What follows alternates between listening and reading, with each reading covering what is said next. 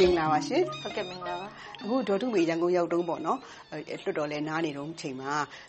ပြီးခဲ့တဲ့ ဇွန်လအဲဒီမှာတုန်းကညီလာခံတခုတက်တာကိုတွေ့လိုက်ရပါတယ်။အဲဒါကတော့ ဗြိတိသျှအစိုးရရဲ့ အထောက်အပံ့နဲ့ Westminster Foundation for Democracy ခေါ်တဲ့ ရန်ပုံငွေအဖွဲ့ကနေ ကမကထလုပ်တယ်လို့ သိရပါတယ်။ဒီလိုမျိုး workshop တွေ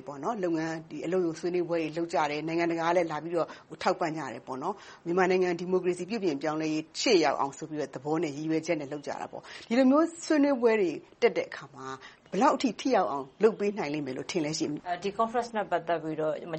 တဦးတယောက်အနေနဲ့ကြည့်မယ်ဆိုရင်တော့ဒီကိစ္စကိုကျမသိသွားတယ်။အရင်တုန်းကဥပဒေပြုပြီးလို့ရှိရင်လွှတ်တော်ကဥပဒေပြုမယ်။အစိုးရကသမ္မတကလက်မှတ်ထိုးမယ်။ပြီးတော့ပြည်သူကိုကာကွယ်တဲ့ ဥပဒေတွေ၊ပြည်သူ့အကျိုးပြု ဖြစ်လာမယ့် ဥပဒေတွေကိုကျမ ယူဆခဲ့တယ်။ဥပဒေပြုပြီးနောက်ပိုင်းကြတော့ ဒီဥပဒေမှာ အားနည်းချက်၊အားသာချက်၊ပြည်သူကို ဘယ်လောက်အထိ ကာကွယ်မှု ပေးနိုင်သလဲ။ပြည်သူအတွက် ဘယ်လောက် အကျိုးသက်ရောက်မှု ရှိနေသလဲဆိုတာတွေကို ပြန်လည်သုံးသပ်ဖို့ mechanism ကျမတို့နိုင်ငံမှာတော့ မရှိသေးဘူး။သုံးနှစ်တာကာလမှာတော့ဒီလိုမျိုး Conference ကို မတက်ဖူးဘူး။ပထမဦးဆုံးအနေနဲ့ တက်ရောက်ရတဲ့အတွက်ကြောင့်မို့ အတိုင်းအတာတခုအထိ လွှတ်တော်ကိုယ်စားလှယ်တွေကို ဥပဒေပြုပြီးလို့ရှိရင်ရည်ရွယ်ထားတာမဟုတ်ဘဲနဲ့ ဥပဒေပြုပြီးလို့ရှိရင် တကယ့်ပြည်သူကို အကျိုးသက်ရောက်မှု ဖြစ်ရဲ့လား။ပြည်သူကို အကျိုးပြုတဲ့ ဥပဒေ ဖြစ်ရဲ့လားဆိုတာကို ပြန်လည်သုံးသပ်တဲ့ လုပ်ငန်းစဉ်တရပ်။နိုင်ငံတကာမှာလည်း ဒီလုပ်ငန်းစဉ်ကို ကျင့်ကြံကြတယ်။ ဒီအတွက်လည်းပြည်သူတွေပိုပြီးတော့အကျိုးသက်ရောက်မှုရကြတယ်။အကျိုးပိုရကြတယ်လို့ကျမလေ့လာခဲ့တယ်။ဒါကပထမဦးဆုံးမြန်မာနိုင်ငံမှာ Launch လုပ်တဲ့ Conference လို့ပြောလို့ရတယ်။ဒါပေမဲ့ဥပဒေတွေကတော့ပြုတယ်။ပြဌာန်းတာတွေလည်းရှိတယ်။ဒါပေမဲ့အဲဒီဥပဒေတွေအတွက်ကို တကယ်လိုက်နာကျင့်သုံးမယ့်တရားဥပဒေစိုးမိုးရေး Rule of Law ကို Enforce လုပ်တဲ့နေရာမှာအခုဒီနိုင်ငံမှာတွေ့နေရတာများသောအားဖြင့်ကတော့နိုင်ငံရေးစိတ်ဆန္ဒအရ Political Will အရမဟုတ်ဘဲနဲ့ Political Agenda အရကိုယ်လုပ်ချင်တဲ့နိုင်ငံရေးဘက်ကနေအမြတ်ထုတ်ဖို့ဆိုပြီးတော့လုပ်နေကြတဲ့လူတွေလည်းရှိတယ်။အခုလောလောဆယ်ဖြစ်နေတဲ့အနေအထား ကိုကြည့်ခြင်းအားဖြင့်သိနိုင်တာပေါ့။အဲဒီတော့တရားဥပဒေစိုးမိုးရေးအပိုင်းမှာအားနည်းနေတဲ့နိုင်ငံလိုမျိုးဖြစ်နေတဲ့အခါကြတော့ဒီလိုမျိုးဥပဒေတွေကိုပြည်သူကြားမှာပြန်ပြီးတော့စည်းကမ်းတကျဖြစ်လာအောင်လွှတ်တော်ကိုယ်စားလှယ်တယောက်အနေနဲ့ကိုယ့်ရဲ့မဲဆန္ဒနယ်မြေပြန်ရောက်တဲ့အခါမှာဘယ်လိုချပြဖို့စဉ်းစားထားပါလဲ။ပြည်သူရဲ့စိတ်ဝင်စားမှုသည်သူတို့ရဲ့လိုအပ်ချက်ဖြစ်တယ်။သူတို့ရဲ့လိုအပ်ချက်သည်အခုလောလောဆယ်မှာဥပဒေဆိုတဲ့အရာထက်ဖွံ့ဖြိုးရေးကိုသူတို့ပိုပြီးတော့စိတ်ဝင်စားတယ်။သူတို့မှာကျောင်းမရှိတာကိုစိတ်ဝင်စားတယ်။သားသမီးပညာတတ်ဖြစ်မှာကိုစိတ်ဝင်စားတယ်။သားသမီးတွေကျောင်းသွားလို့ရှိရင်ဆရာ၊ဆရာမမရှိတာကိုစိတ်ဝင်စားတယ်။လမ်းမကောင်းတာကိုစိတ်ဝင်စားတယ်။အခုမိုးရာသီဆိုရင်ကျမမဲဆန္ဒနယ်မြေမှာလမ်းကသွားလို့မရတော့ဘူး။ဒီလိုမျိုးဟာတွေကိုပိုစိတ်ဝင်စားတယ်။ဒါကိုမပြောဘူးလားလို့သူတို့အဲဒီလိုမျိုးမေးတယ်။ပြောတယ်။ပြောရင်ဘာဖြစ်လို့အစိုးရကမလုပ်လဲ။ဒီလိုမျိုးပြည်သူရဲ့လိုအပ်ချက်ကိုဖြည့်ဆည်းပေးဖို့ပဲသူတို့ကစိတ်ဝင်စားတယ်။ ဥပဒေဆိုတဲ့အရာထက်။ကျမကတော့အတတ်နိုင်ဆုံးပြည်သူတွေကိုသိသင့်သိထိုက်တဲ့အရာတွေ၊သိရမယ့်အရာတွေ။ဥပမာအားဖြင့်အမျိုးသားလွှတ်တော်ကပြဌာန်းခဲ့တဲ့ရပ်ကျေးအုပ်ချုပ်ရေးမှူးရွေးချယ်ရမယ့်ဥပဒေဆိုရင်ကိုယ်ကိုယ်တိုင်ရွေးချယ်ပိုင်ခွင့်ရှိတယ်။ဘယ်လိုရွေးချယ်ရမယ်။သူတို့သည်ကိုယ့်အပေါ်မှာဘယ်လောက်အထိအနီးစပ်ဆုံး Government ဖြစ်တယ်။ဘယ်လောက်အထိကိုယ့်အပေါ်အကျိုးသက်ရောက်မှုရှိတယ်ဆိုတာကိုရှင်းပြတယ်။ကျမအနေနဲ့နှစ်မြို့နယ်ဖြစ်တဲ့အတွက်ကြောင့်မို့လွှတ်တော်နားတဲ့အခါ၊ပြန်တဲ့အခါကြတော့အတတ်နိုင်ဆုံးပြည်သူနဲ့ထိတွေ့တယ်။ကျမလုပ်တဲ့ဘယ်အလုပ်မဆို ရှင်းပြတယ်။ရသမျှအချိန်မှာ သူတို့စိတ်ဝင်စားသလောက် ပြောသင့်ပြောထိုက်တဲ့အရာဆိုရင် အကုန်လုံး ပြည်သူကို ပြန်ပြောပြတယ်။ကျမ ကြားဖူးသလောက် လွှတ်တော်ကိုယ်စားလှယ်တွေကို သီးခြားဘတ်ဂျက် ချပေးတယ်လို့လည်း ကြားဖူးပါတယ်။နယ်မြေဖွံ့ဖြိုးတိုးတက်ရေးအတွက်ကို ရန်ပုံငွေ ချပေးပြီးတော့ လုပ်တာရှိလားရှင့်။အဲဒီလိုမျိုးတော့ မရှိပါဘူး။ရန်ပုံငွေဆိုရင် လွှတ်တော်ကိုယ်စားလှယ် စီမံခန့်ခွဲပိုင်ခွင့်ရှိတဲ့ ရန်ပုံငွေကပြည်ထောင်စုလွှတ်တော်ဆိုင်ရာ ဖွံ့ဖြိုးရေးရန်ပုံငွေပါ။ တမြို့နယ်ကိုသိန်းတစ်ထောင်။ပြည်သူ့လွှတ်တော်ကိုယ်စားလှယ်တစ်ဦးတည်းရှိတဲ့နေရာဆိုရင်မြို့နယ်မြန်မာနိုင်ငံမှာဆိုရင်တမြို့နယ်ကိုသိန်းတစ်ထောင်။ဒါကိုစီမံခန့်ခွဲပိုင်ခွင့်ရှိတဲ့ဥက္ကဋ္ဌသည်အမျိုးသားလွှတ်တော်သို့မဟုတ်ပြည်သူ့လွှတ်တော်ကိုယ်စားလှယ်တစ်ဦးဖြစ်ရမယ်။မြို့နယ်အုပ်ချုပ်ရေးမှူးကငွေကြေးစီမံခန့်ခွဲပိုင်ခွင့်ရှိတဲ့အတွင်းရေးမှူးဖြစ်ရမယ်။ဒီလွှတ်တော်ကိုယ်စားလှယ်များသည်ဒီငွေကိုသိန်းထက်မပိုတဲ့လုပ်ငန်း။ပြည်သူကိုတိုက်ရိုက်အကျိုးပြုရမယ်။လမ်းတံတားရှည်။အဲဒီလိုရရှိရေးအတွက်တကယ့်ငွေနည်းနည်းနဲ့သိန်းသည်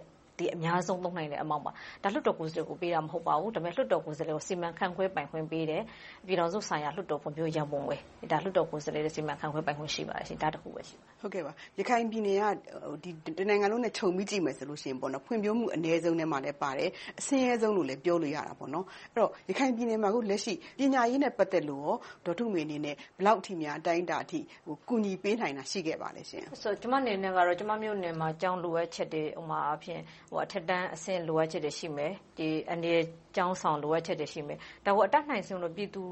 နဲ့သွားတဲ့နေရာရွာတိုင်းမှာ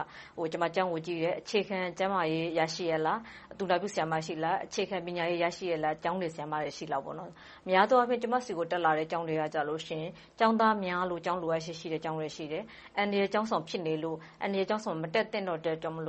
ကျောင်းအုပ်ဆရာကြီးနဲ့တကွရပ်ရွာပြည်သူလူထုကဒါကိုတင်ပြတာတွေရှိတယ်။ဆိုတော့အကြမ်းဖျဉ်းခြုံငုံကြည့်လိုက်လို့ရှိရင်တော့ကျောင်းလိုအပ်ချက်ကတနိုင်ငံလုံးရှိကောင်းရှိနိုင်မယ်။ဒါပေမဲ့အစိုးရရဲ့ပိုပြီးတော့အားနည်းတဲ့အချက်ကဘာလဲဆိုရင်သူ့ရဲ့အစိုးရမှာ Admin စီမံခန့်ခွဲတဲ့မြို့နယ်တိုင်းမှာမြို့နယ်ပညာရေးမှူးတွေရှိတယ်။ခရိုင်ပညာရေးမှူးရှိတယ်။ဒီပညာရေးမှူးပညာရေးတွေအများကြီးရှိရဲ့သားနဲ့သူကနယ်မဆင်းတာလား။နယ်ဆင်းမယ့်စရိတ်စခအစိုးရထောက်ပံ့မှုအားနည်းလို့လားတော့မပြောတတ်ပေမယ့်ဒီလိုမျိုးကျောင်းဆောင်လိုအပ်ချက်၊ကျောင်းအန္တရာယ်ကျောင်းဆောင်ဖြစ်နေတာကျောင်းသားများနေတဲ့ဟာကိုလွှတ်တော်ကိုယ်စားလှယ်ပြောမှသိတာ။ လွှတ်တော်ကိုယ်စားလှယ်တွေပြည်သူနဲ့အမြဲတမ်းထိတွေ့နေတာကြောင့်သူတို့ပြောလိုက်တယ်။ပြည်သူကပြောတယ်။လွှတ်တော်မှာတင်ပြတယ်တကျောင်းကိုသာလွှတ်တော်မှာတစ်ခါမေးမယ်ဆိုရင်ကျောင်းဆယ်ကျောင်းဆိုရင်ကျမမေးခွန်းကိုလွှတ်တော်ကိုယ်စားလှယ် Section တစ်ခုမှာခုပဲမေးရတယ်။ကျောင်းကျောင်းမေးတာနဲ့ကျမရဲ့ကျန်တဲ့ကိစ္စတွေလုပ်လို့မရတော့ဘူး။ဆိုတော့နိုင်ငံတနိုင်ငံလုံးအားနည်းနေတဲ့ဟာသည်ပညာရေးကဏ္ဍမှာသုတေသနလုပ်ဖို့။ဘယ်ကျောင်းမှာဘယ်ခုနှစ်လောက်မှာလူဦးရေအ နည်းဆုံးတော့ Basic Line ချလို့ရတာက ၂၀၁၄ သန်းခေါင်စာရင်းရှိတယ်။သန်းခေါင်စာရင်းပေါ်မှာ လူဦးရေ ဘယ်လောက်တိုးမှုရှိလဲ။အဲဒီနေရာတွေက။ဥပမာဒန်းပြည့်ဆို ဘယ်လောက်တိုးလဲ။အမ်းဆို ဘယ်လောက်တိုးလဲ။ပြည်နယ်နဲ့တိုင်းတွေ ဘယ်လိုတိုးလဲဆိုတဲ့အပေါ်မှာ Strategy Plan ဆွဲရမှာ။သူက အဲဒီလို မဟုတ်ဘဲနဲ့ မြန်မာစကားပုံအရဆိုရင် ဆန်ဆင်တာ ကျိုးမွေ့လိုက်သလိုမျိုးပဲ လွှတ်တော်ကိုယ်စားလှယ်က ဒီနေရာမှာနေတယ်ပြောတယ် သူတို့ပေးမယ်။ဒီနေရာမှာ လိုတယ်ပြောမယ်ဆိုတော့နောက်ထပ်နေတဲ့လူက လိုတဲ့နေရာတွေအများကြီးပဲ။လွှတ်တော်ကိုယ်စားလှယ်မရောက်တဲ့နေရာလည်းရှိမယ်။နောက်မဆွေးနွေးတဲ့လွှတ်တော်ကိုယ်စားလှယ်၊ပညာရေးကိုစိတ်မဝင်စားတဲ့လွှတ်တော်ကိုယ်စားလှယ်ရှိမယ်။အဲဒီလိုမျိုး Mega Plan မထားဘဲနဲ့လွှတ်တော်ကိုယ်စားလှယ်ကဒီနေရာမှာဆရာမလိုအပ်မှ၊ဒီနေရာမှာကျောင်းလိုအပ်မှ၊ဒီနေရာမှာအန္တရာယ်ကျောင်းဆောင်ဖြစ်နေတယ်ဆိုတော့ပညာရေးဝန်ကြီးဌာနကလုပ်ပေးဖို့ကြိုးစားတာသည်မအောင်မြင်တဲ့ပညာရေးလမ်းကြောင်းကိုလျှောက်လှမ်းနေတာနဲ့အတူတူပဲ။ငွေတွေလည်းအများကြီးသုံးလာမယ်။အများဆုံးကတော့လွှတ်တော်ကပညာရေးကိုဖြတ်တောက်တာ မရှိသလောက်ပဲ။ကျန်းမာရေးကို ဖြတ်တောက်တာ မရှိသလောက်ပဲ။ဒီအပေါ်မှာ ပညာရေးဝန်ကြီးဌာနသည် သူတောင်းတဲ့ကျောင်းကိုတောင်မဆောက်နိုင်ဘူး။ပြီးအောင်မဆောက်နိုင်ဘူး။ကျမ ထင်ပါတယ် မကြာခင်မှာ ဒါလဲ ကျမတို့ ပထမအစီရင်ခံစာမှာလည်း ပညာရေးဝန်ကြီးဌာနကို ထောက်ပြတဲ့ အစီရင်ခံစာတစ်စောင်ထွက်ဖူးပါတယ်။အဲဒီအခါမှာလည်း ထောက်ပြတယ်။သူ့ရဲ့ကျောင်း လိုအပ်ချက်သည်ခြောက်ထောင်လို့ ပြောတယ်။ဒါပေမဲ့ သူ ဒီနှစ်ဘတ်ဂျက်မှာ လေးထောင်တောင်ပြီးအောင်မဆောက်နိုင်ဘူး။ဆိုတော့သူ့ရဲ့ Capacity နဲ့သူလုပ်တဲ့အလုပ်နဲ့ကနေလိုအပ်ချက်တွေအများကြီးရှိနေတယ်။ဒါကြောင့်မို့တကယ်တမ်းမြန်မာနိုင်ငံပညာရေးတိုးတက်မယ်ဆိုရင်ပညာရေးဝန်ကြီးဌာနကိုယ်တိုင်ကသေချာအောက်ခြေကသုတေသနတက်ပြီးတော့မှဆောင်ရွက်ရမယ်။ဒီလိုမှမဟုတ်ဘူးဆိုရင်တော့ပညာရေးကဘယ်တော့မှအခြေခိုင်မှာမဟုတ်ဘူး။အခုနောက်ဆုံးတစ်ခု မေးချင်တာက ဘာလဲဆိုတော့ အခုလောလောဆယ် ရခိုင်ပြည်နယ်မှာတွေ့နေရတဲ့ကြုံတွေ့နေရတဲ့ အခက်အခဲ အကျပ်အတည်းတွေ။အဲဒီတော့ရခိုင်ပြည်နယ် တည်ငြိမ်အေးချမ်းရေးအတွက်ကို အထောက်အကူပြု ကော်မတီတစ်ခု ဖွဲ့ထားတာတွေ့ရပါတယ်။အဲဒီမှာလဲ အမျိုးသားလွှတ်တော် ဒုဥက္ကဋ္ဌ ဦးအေးသာအောင်ကိုယ်တိုင် ဦးဆောင်နေပါတယ်။ဦးအေးသာအောင်ကိုယ်တိုင်ကရခိုင်လူမျိုး အမျိုးသားတိုင်းရင်းသားတစ်ယောက် ဖြစ်ပါတယ်။လက်နက်ကိုင် ပဋိပက္ခတွေကြားမှာ မြေဇာပင် ဖြစ်နေရတဲ့တိုင်းရင်းသားတွေရဲ့ ဒုက္ခ။အဲဒါတွေနဲ့ ပတ်သက်လို့ မထုမေရဲ့ အတွေ့အကြုံလေးမထုမေအနေနဲ့ဘယ်လိုများ ရှေ့ဆက်ပြီးတော့ ကိုယ်တိုင်လည်း ဘယ်လို ပါဝင်ဖြေရှင်းပေးနိုင်မယ်ဆိုတဲ့ နေရာမျိုးလေးကို ပြောပြပေးပါလားရှင့်။အမှန်တကယ်က ရခိုင်ပြည်နယ်မှာမဟုတ်ပါဘူး။တနိုင်ငံလုံးမှာကနေလက်နက်ကိုင် ပဋိပက္ခနဲ့ လုံးပမ်းလာတာ ကျမတို့ မမွေးခင်ကတည်းက လုံးပမ်းလာတာ။အခုထက်ထိ လုံးပမ်းနေတယ်။ နောင်နှစ်ပေါင်းများစွာလည်းလုံးပမ်းနေဆဲဖြစ်မယ်လို့ရဲရဲလည်းမြင်နေရတယ်။ဒါကိုဖြေရှင်းဖို့နည်းလမ်းကိုအခုလက်ရှိအာဏာရနေတဲ့အစိုးရရယ်။နောက်တစ်ခုကလက်နက်ကိုင်တပ်ဖွဲ့များရယ်ငြိမ်းချမ်းရေးအရစကားပြောရမှာဖြစ်ပါတယ်။ငြိမ်းချမ်းရေးအရစကားပြောတဲ့အခါမှာလဲတန်းတူရည်တူစိတ်ဓါတ်အဖွဲ့အစည်းတွေကနိုင်ငံကိုအုပ်ချုပ်ဖို့လက်ရှိမှာအခွင့်အာဏာရနေတဲ့အစိုးရကိုယ်တိုင်က တိုင်းရင်းသားတွေပေါ်မှာဖယ်ဒရယ်လို့နှုတ်ကပြောရုံလောက်နဲ့မရပါဘူး။တကယ်တမ်းစိတ်စေတနာမှန်မှန်နဲ့ဖယ်ဒရယ်ကိုတည်ဆောက်ရမယ်။နောက်တစ်ခါအနာဂတ်ဖယ်ဒရယ်လို့ပြောမယ့်အစားဒီနေ့ကစတဲ့ဖယ်ဒရယ်ဖြစ်ရပါမယ်။ဒီလိုမျိုးဖြစ်ဖို့ဆိုရင်တိုင်းရင်းသားတွေကိုတန်းတူညီမျှဆက်ဆံဖို့လိုပါမယ်။ရခိုင်ပြည်နယ်မှာအခြေချခွင့်တော့မပေးနိုင်ဘူးဆိုတော့ရခိုင့်တပ်တော်သည်ရခိုင်ပြည်နယ်မှာအခြေချမယ်။မွန်သည်မွန်ပြည်နယ်မှာအခြေချမယ်။ရှမ်းသည်ရှမ်းပြည်နယ်မှာအခြေချမယ်။ဒါသည် Universal Truth ပါပဲ။အမှန်အကန်ပဲ။တိုင်းရင်းသားများသည်မိမိမွေးဖွားရာမိမိဒေသမှာပြန်ပြီးတော့အခြေချရမှာသည်ကျမတို့တကမ္ဘာလုံးကလက်ခံရမယ့်အမှန်တရားဖြစ်ပါတယ်။ဒါကြောင့်မို့ကျမအနေနဲ့ရခိုင်သည်အမှန်တကယ်ကလက်နက်ကိုင်တစ်ခုတည်းကြောင့်မှမဟုတ်ပါဘူး။ကျမတို့ဒီဘက် ဘင်္ဂလားဒေ့ရှ်နယ်စပ်အခြေအနေအရလည်းတကမ္ဘာကသိတဲ့ပြည်နယ်တခုဖြစ်ပါတယ်။ဒါပေမဲ့ကျမတို့အင်မတန်စိတ်မကောင်းဖြစ်တာကဘာလဲဆိုရင်ရခိုင်လို့ပြောလိုက်ပြီဆိုရင်နောက်ပိုင်းနိုင်ငံတကာအသိုင်းအဝိုင်းမှာတွန့်ဆုတ်တာမျိုး။ပြီးတော့ရခိုင်တွေကိုယ်တိုင်ကတစုံတခုကိုကျူးလွန်နေသလိုမျိုးအထင်တွေအမြင်တွေနဲ့စဉ်းစားချက်တွေကျမတို့နောင်မှာရခိုင်လူမျိုးတွေ၊မျိုးဆက်တွေအတွက်သိပ်ကိုအန္တရာယ်ကြီးမားပါတယ်။ကျမစိုးရိမ်တာတခုကဘာလဲဆိုရင်ဒီလိုမျိုးနောင်မှာကမ္ဘာကကျမတို့ကိုအကြည့်၊ဒီပြင့်တိုင်းရင်းသားတွေကကြည့်မယ့် အကြည့်ကနေမှန်ကန်ဖို့လိုပါမယ်။ဘာဖြစ်လို့မှန်ကန်ဖို့လိုလဲပြောရင်ဒီစနစ်တွေအခုပုံစံတွေအခင်းအကျင်းတွေဖြစ်နေတာရခိုင်လူမျိုးတွေနဲ့ဆိုင်တဲ့ကိစ္စမဟုတ်ပါဘူး။အုပ်ချုပ်သူများရဲ့တာဝန်ရှိတဲ့ကိစ္စတွေဖြစ်ပါတယ်။မြန်မာနိုင်ငံမှာနေကြတဲ့တိုင်းရင်းသားအငယ်ပဲဖြစ်ဖြစ်၊အကြီးပဲဖြစ်ဖြစ်၊လူနည်းစုပဲဖြစ်ဖြစ်၊လူများစုပဲဖြစ်ဖြစ်တန်းတူရှိရပါမယ်။ဒါကအခြေခံ Principle ပါ။ ဒီအခြေခံ Principle ကို တည်ဆောက်နိုင်ပြီဆိုရင် ကျမတို့ ငြိမ်းချမ်းရေးစကားဝိုင်းမှာ စကားပြောနိုင်ပါပြီ။ဒီလိုမျိုး မဟုတ်ဘဲနဲ့ အဖွဲ့သေးလို့၊ငြိမ်းချမ်းရေးနယ်မြေ မဟုတ်လို့ ဒီလိုမျိုး စလို့မရဘူး။ဒါကြောင့်လဲ မြန်မာနိုင်ငံရဲ့ ငြိမ်းချမ်းရေးအခြေအနေက မအောင်မြင်တာပါ။ဒါကြောင့်မို့ လက်ရှိမှာအစိုးရသည် ကြားဝင်ဖြန့်ဖြေတဲ့ Institution ဖြစ်ဖို့လိုပါမယ်။အဲဒီလိုမှ မဟုတ်ဘဲနဲ့ အစိုးရသည် တဘက်ကမြန်မာ့တပ်မတော်ဘက်ကပဲ ရပ်တည်မယ်ဆိုရင် ဒီပြင့်တိုင်းရင်းသားတွေ တဘက်ဖြစ်သွားနိုင်ပါတယ်။ဒါကြောင့်မို့ အဓိက အခြေခံမူသည် တန်းတူညီမျှမှု စိတ်ကိုအုပ်ချုပ်တဲ့လူမှာနဲ့မြန်မာ့တပ်မတော်မှာရှိရမယ်။ဒီလိုမျိုးပဲတခြားကျန်တဲ့လက်နက်ကိုင်တပ်ဖွဲ့များသည်လည်းပြည်သူကိုမထိခိုက်နိုင်သော နည်းလမ်းနဲ့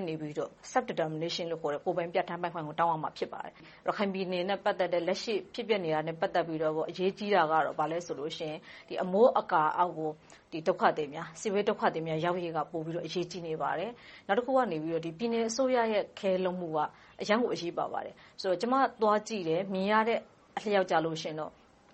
ပြည်နယ်အစိုးရရဲ့ ဂရုစိုက်မှုက သိပ်အားနည်းတယ်။ Action လုပ်မှုကလည်းသိပ်အားနည်းတယ်။ဒါကိုကျမတွေ့ခဲ့ရတယ်။နောက်တခုကရခိုင်ပြည်နယ်တည်ငြိမ်အေးချမ်းရေးကော်မတီနဲ့ပတ်သက်ပြီးတော့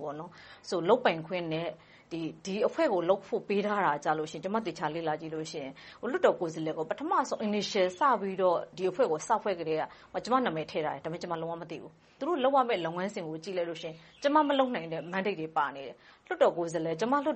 သည် အစိုးရကို Check and Balance လုပ်ရပါမယ်။ဥပဒေပြုရမယ်။ပြည်သူကို ကိုယ်စားပြုရမယ်။ပြည်သူအတွက် အစိုးရကို တောင်းဆိုရမယ်။အစိုးရ မှားယွင်းနေတယ်ဆိုရင် မှားယွင်းကြောင်း။အစိုးရတည့်စရာလိုလို့ရှိရင်တည့်မတ်ကြောင်းကျမပြောရမယ်။ဒါပေမဲ့ အဲဒီမှာ ဘာပါလဲဆိုရင် လွှတ်တော်ကိုယ်စားလှယ်က ကျမတို့ကအစိုးရရဲ့ မူဝါဒတွေကို ပြည်သူကို ရှင်းလင်းပြရမယ်ဆိုရင် ဒီအဖွဲ့အစည်း စဖွဲ့စည်းကတည်းက ဒီထဲမှာပါတဲ့ Mandate တွေကအဖွဲ့ဝင်တွေ မလုပ်နိုင်တဲ့ Mandate တွေ ဖြစ်နေပါတယ်။ဒါကြောင့်မို့ ကျမကတော့ ပူးပေါင်းဆောင်ရွက်မှု လောလောဆယ်တော့ မရှိသေးပါဘူး